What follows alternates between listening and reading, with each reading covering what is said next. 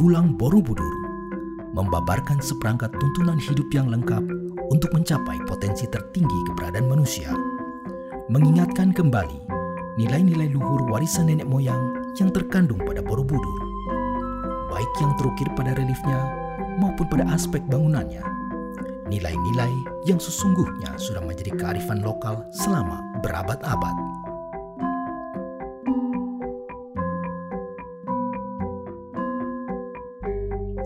Nah, di Borobudur itu kalau kita lihat, ya, di Borobudur itu relung-relung ya, isinya itu berbagai arca. Arcanya ini ada empat, ada empat jurusan, empat macam, dengan panser satu di ujung. Nah ini entah ini yang di apa pengertian di Jawa sedulur papat limo panser itu mungkin sekali, tapi intinya seperti itu bahwa ini adalah kalau kita hitung semuanya ini namanya lima kan lalu jadi panca tata kata. Next slide.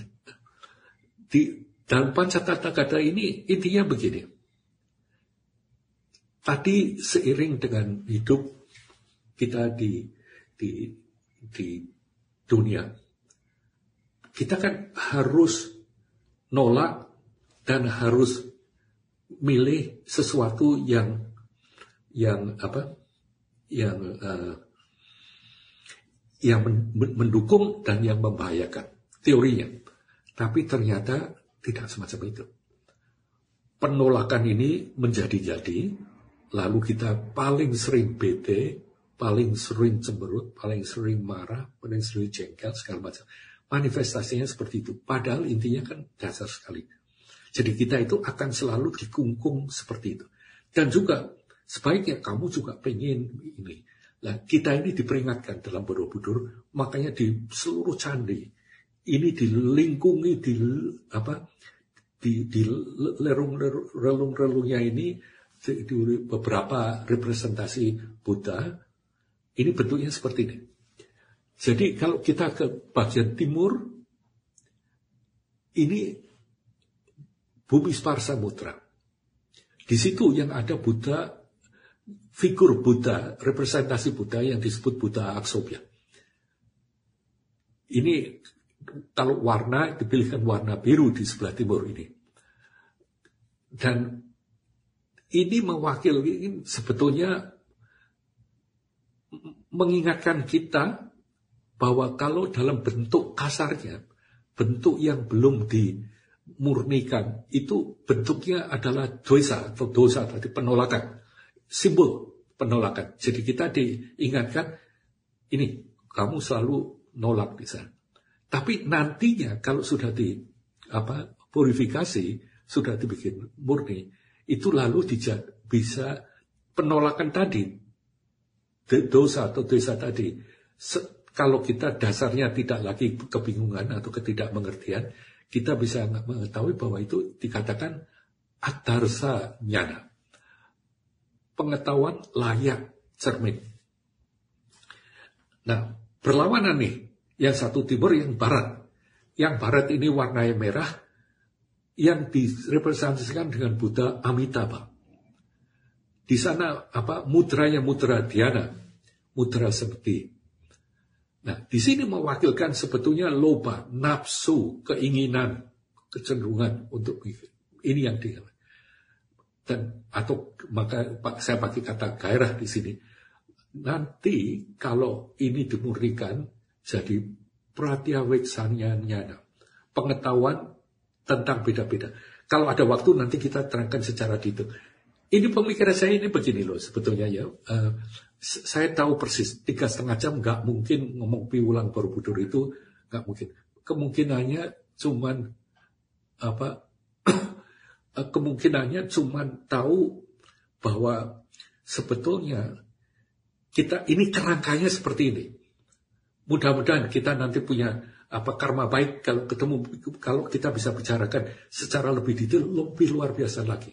Jadi ini pertama ini kerangkanya. Jadi kita nggak usah terlalu khawatir. Cuma, mungkin saya kok lebih senang pelan-pelan asal kita semua bisa ngerti. Jadi ini sejelas ya. Satu, pasangan ini.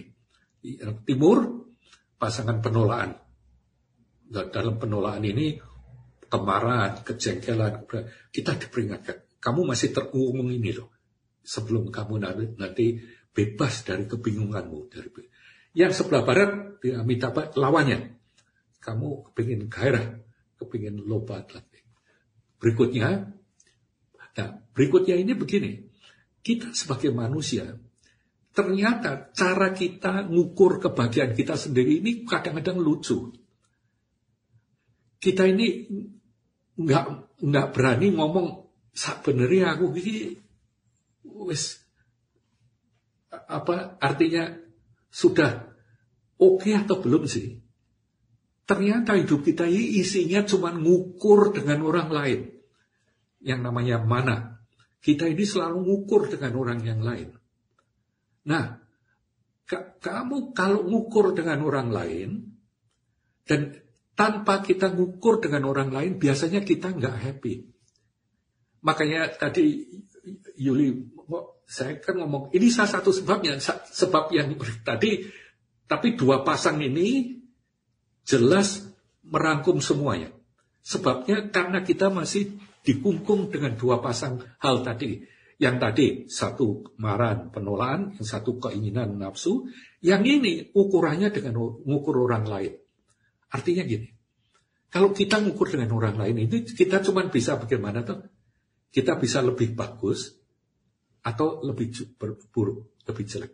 Kita bisa punya lebih banyak atau punya kurang. Right?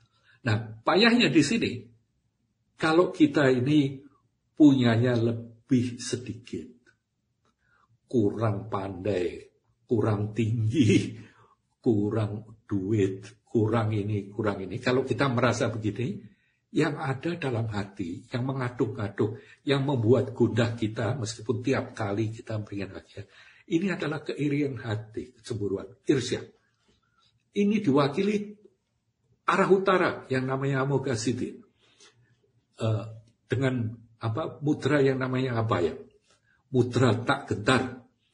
Nah, keirian hati di sini ini karena kamu merasa yang lain kok lebih bagus.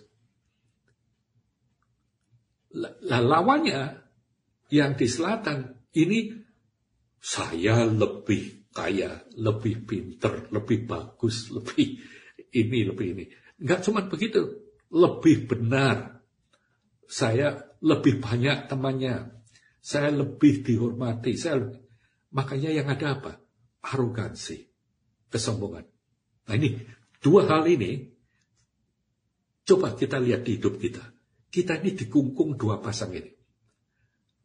Kalau nggak iri hati, ya sombong dalam segala bentuknya nih, ya. Dan kalau nggak jengkel, marah, nolak, kita ini selalu menginginkan, masih kepingin nafsu, kepingin ini. Dua pasang ini. Makanya Borobudur ini dibungkus seperti ini, itu mengingatkan kita lah, bagaimana? Sebabnya apa munculnya seperti itu? Lalu dikatakan, karena kita ini bingung, kita nggak ngerti. Makanya pansernya yang di atas, ini yang di atas ini, yang namanya warujana, itu madep semua arah. Kalau tadi cuma utara, selatan, barat, timur, yang warujana ini, next slide itu ngadepnya tengah di atas. Karena Cana ini sebetulnya menyimpulkan ini loh biang keroknya, ini sumber penderitaan kita semua ini karena kita salah ngerti. Karena kita kebingungan. Avidya, avija atau moha di sini. Dan caranya nanggulangi itu bagaimana? Witarga. Witarga ini mudra penyidikan nggak cuman selidik tapi disidik, dirasakan sendiri. Seperti apa sih sebetulnya ini sih? Makanya Vairocana ini. Makanya kalau kita lihat apa panel terakhir Ladita Wistara mutranya Vetarga. Meskipun memutar roda Dharma sebetulnya. Sebab itu bab 26 itu namanya Dharma Cakra Prawartana. Pemutaran roda Dharma. Tapi justru tidak dalam Dharma Cakra Mudra, tapi dan mudra. Nanti, nanti Varucana ini akan muncul sekali lagi di dalam stupa-stupa mudranya waktu itu mudra Cakra Prawartana. Kenapa? Karena itu mudra belajar. Mudra belajar. Mudra mempelajari hidup ini apa sih? Oh, sangkan paraning dumati. Dari mana kita ini semua di sana? Nanti kita akan bersama-sama di sini. Jadi kita sekarang saya ulangi ya, ini di Borobudur ini dengan diberinya seperti ini, dengan dibungkusnya uh, se seperti ini apa? Makanya kita ini lalu bisa apa? ngerti bahwa yang mengaduk-aduk ketidaktentraman, yang membuat hati gundah tadi, ini tadi loh, empat pasang tadi.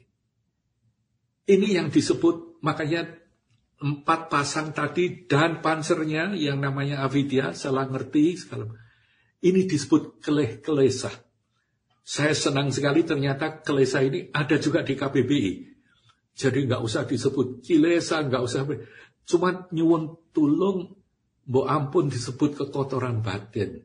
Sebab ini bukan batin yang kotor. Sebab kita mau sombong, mau iri hati, nolak dan ini bukan karena batin kita kotor. Makanya terjemahan kekotoran batin ini salah total untuk begini. Itu karena saya tahu juga kak, sebabnya. Karena e, ternyata di abad ke-19 waktu diterjemahkan pertama kali dari Pali yang terjemahkan itu ya beliau-beliau ini luar biasa loh belajar ini menyelamatkan Pali uh, dan padahal beliau itu Kristen kan beliau-beliau ini seperti Rhys Davis dan segala macam. Beliau itu latar belakangnya Kristiani.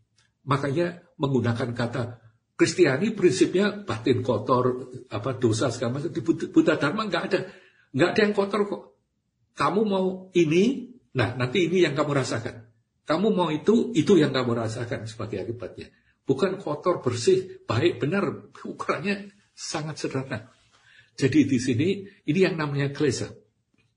Nah, disebut klesa, makanya klesa ini juga diwakili sebagai marah yang namanya evil. Di sini makanya dalam ini di uh, di relief panel ke-94 ini Pak Suarso dulu tanya juga, ini di sini juga apa simbolismenya luar biasa. Jadi pada waktu Siddhartha Gautama ini duduk ingin nerangkan, Beliau bisa lihat benar, oh begini ternyata. Ternyata saya ini punya kepinginan, apa nafsu yang berbuat, karena saya anggap tanpa mendapatkan hal itu saya tidak bisa bahagia. Tanpa mendapatkan hal itu hidup saya percuma. Harus dapat ini, harus dapat itu. Atau kita, saya tidak boleh seperti ini, tidak mau diakui penolakan. Gitu. Misalnya hidup seperti itu. Nah, ini makanya reaksinya apa? Tadi, empat tadi. Right? The previous slide, empat tadi. Kemarahan, apa kemarahan, kebencian, iri hati, arogansi.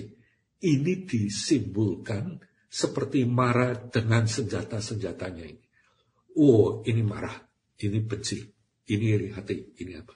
Tapi Buddha tahu saat itu, no, no, saya sudah tahu bahwa itu semuanya sebetulnya hanya emosi yang timbulnya dari dalam pikiran hati saya sendiri karena saya ini bingung, saya nggak ngerti. Saya anggap bahwa hidup itu harus seperti itu. Dengan dimengerti seperti itu apa yang terjadi? Marah, bentuknya tombak jadi bunga. Iya kan? Iri hati yang bentuknya panah jadi bunga melati, jadi bunga mawar, jadi bunga. Ini loh yang disimbolkan. Nah terus juga yang juga disimbolkan lagi berikutnya mengenai apa slide sebelumnya. Lalu Mara ini ngirim anaknya tiga, tiga. Namanya Trishna, Rati, dan Raga. Yang terakhir, urusannya apa? Nafsu. Urusannya apa? Rati ini gini, Rati ini apa uh, Trisna ini artinya kehausan, keinginan terus-menerus. Raga ini juga begitu, apa? Kegairahan yang luar biasa. Rati ini nolak, jenuh. Kita pernah kan ya mikir kadang-kadang saja nih gue sih urip gitu. Kadang-kadang kita kalau sempat nih, kalau kengangguran, kita selalu mikir gitu. Mungkin mudah-mudahan ya enggak lah. Tapi kita selalu mikir hidup ini jenuh. Lalu untuk apa gini-gini? Lah ini sebetulnya kita ini nolak. Makanya dalam Buddha Dharma yang namanya kata. Pertama-tamanya hidup kita yang kita atasi ini gini, sing hati-hati nek kepingin apa-apa, ya kan? Kita nek kalau bisa dipertanyakan. Sebab pertanyaannya sebetulnya simpel kok. Misalnya, mana tuh yang benar? Mungkin saya tanya Yuli lagi ini, misalnya. Yuli mungkin mana yang benar? Yuli kepingin beli tas baru, atau kepingin keinginan untuk punya tas baru terpenuhi? Hmm. Pertanyaannya sulit, oh, uh, Pak. ini ini yang, ya, ini makanya saya sudah bilang loh, ya Yuli, mau, mau tanya, coba, coba dipikir. Kira-kira, misalnya Yuli kepingin tas nih ya, yang mana tuh sebenarnya kepingin punya tas baru, apa kepingin keinginan punya tas baru terpenuhi? Ingin keinginan punya tas barunya terpenuhi. Nggih, nggih, kebanyakan hidup kita itu gitu, kebanyakan kita ini terkecoh. Buktinya mana? Buktinya begitu sudah dapat tasnya kira-kira berapa hari keluar bosannya? Cepat kan? Karena keinginannya terpenuhi. Nah, keinginan ini ternyata dipenuhi atau tidak dipenuhi selalu diganti dengan keinginan baru. Ini perlu diingat. Jadi sok ben punya keinginan sing angel dipenuhi, ditunggu saja. Ini nanti mesti diganti dengan keinginan yang lebih gampang. Misalnya tidur siang. Cuma ya jangan pilihan terus buka lemari es, itu bikin gemuk. ini cuma ini intinya kan seperti itu. Jadi sebetulnya dharma itu membuat kita lebih tajam pikirannya, wawasannya lebih tajam. Tujuannya itu saja sih. Bukan untuk suatu hal yang lain. Memang kata-katanya pakai kata Sanskrit, pakai kata itu bingungin.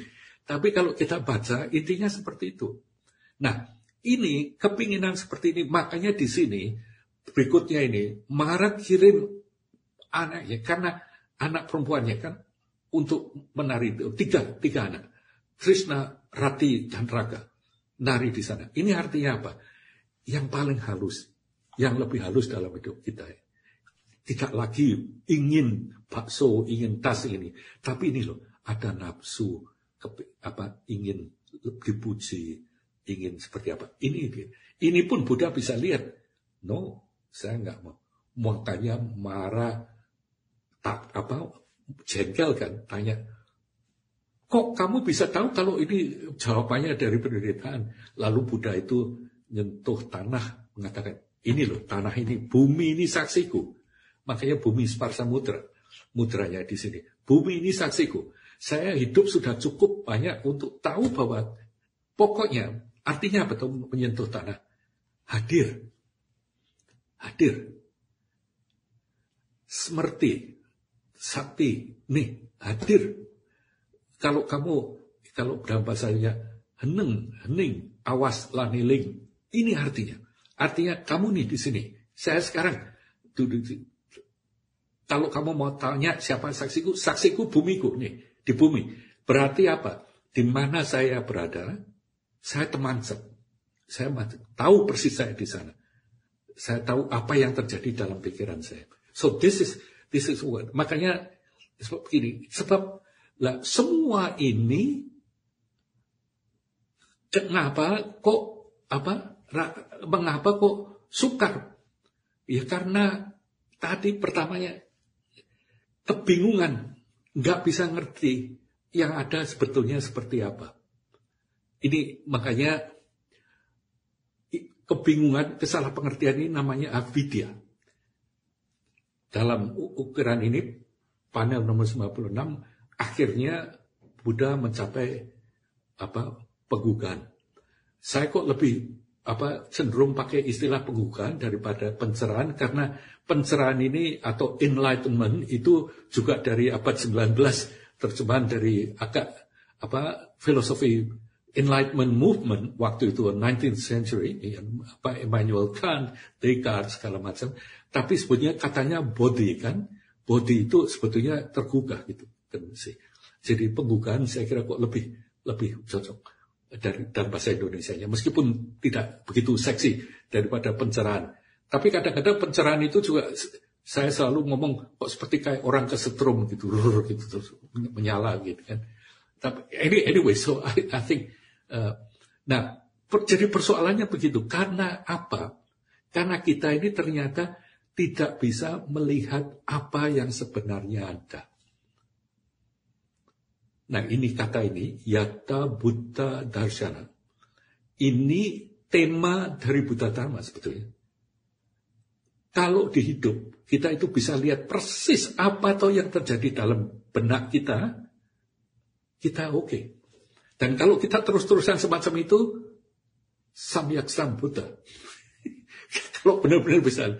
Sekarang ini kita masih penuh, nanti kita akan cerita lagi mengenai cerita segala macam. Tapi uh, nanti uh, mungkin tapi untuk itu saya nutup karena apa? Karena dipikir kalau kita nggak ngerti yang sebenarnya ada, ini repot. Sebab kita asumsinya yang ada itu benar-benar seperti itu. Coba ini, saya coba ini, sekarang pupuk masih jam 3, coba slide berikutnya misalnya. Ini yang buat kangen Borobudur juga. Ini bakmi goreng Pak Parno. Coba. Kalian lihat kan ini. Air liur kalian keluar kan? Ayo, sing bener.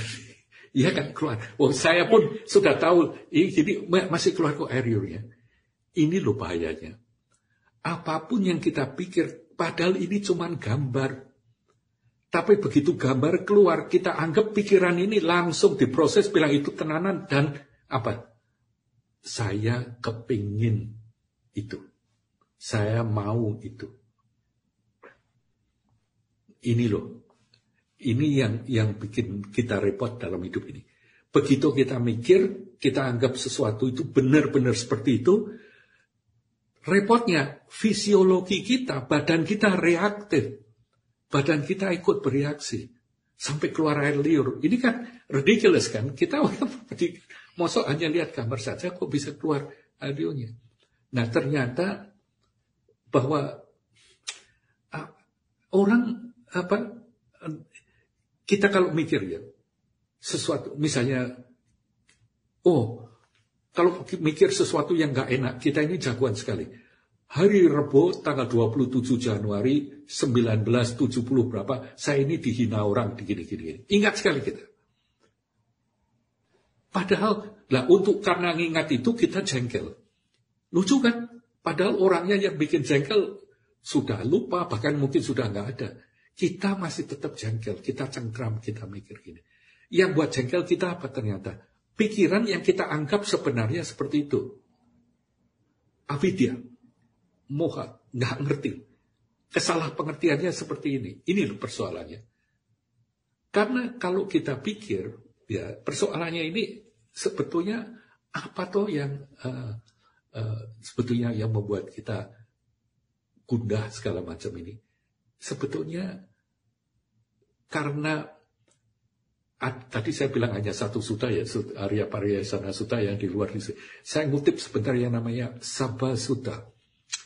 Ini di, di sana. Ini intinya Buddha ini mengatakan, Mbok tolong diingat, yang ada itu hanya yang kamu alami.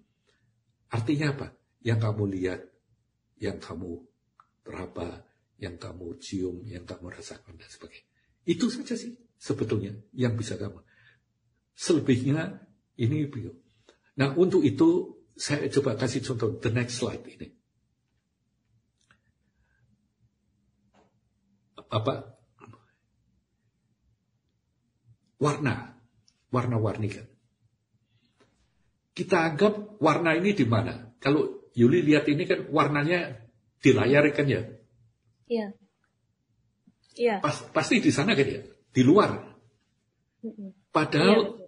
kita tahu meskipun kita pakai apa se- apa secara eh, ilmu fisika dah bodoh-bodohan apa ilmu biologi nggak mungkin di dunia ini nggak ada warna. Yang ada foton. Fotonya ini ke sini. Baru nanti kita yang bikin warna. Jadi warna ini saya pakai warna ini karena ini jelas. Nggak mungkin ada di sananya. Yang bikin warna itu kita. Makanya kalau alatnya nggak pas, yang kuning bisa kelihatan hijau, yang hijau bisa kelihatan biru dan sebagainya. Tapi nggak ada sebetulnya sesuatu itu yang di luar. Semuanya adanya di dalam sebetulnya. Tapi apakah seperti itu? Nah, ini ini persoalannya di sini. Dan jangan lupa bahwa ternyata lihat gambar bakmi, air liur bisa keluar. Jadi kita ngingat orang itu jengkelnya keluar, marahnya keluar dendamnya keluar. Hanya karena ngingat. Nah kita ini lupa bahwa dengan begitu itu mempengaruhi badan. Badan ini deg-degan, badan ini kemeringat, badan ini untuk apa? Ketakutan. Misalnya kita sakit pun, betapa kita sakitnya pun, itu yang ada hanya mikiri tentang sakit. Bukan kesakitannya seperti itu benar. Ini loh yang mulai sedikit demi sedikit apa di Buddha Dharma ini ingin dikikis supaya kamu bisa lihat yata buddha darsana yang ada seperti apa.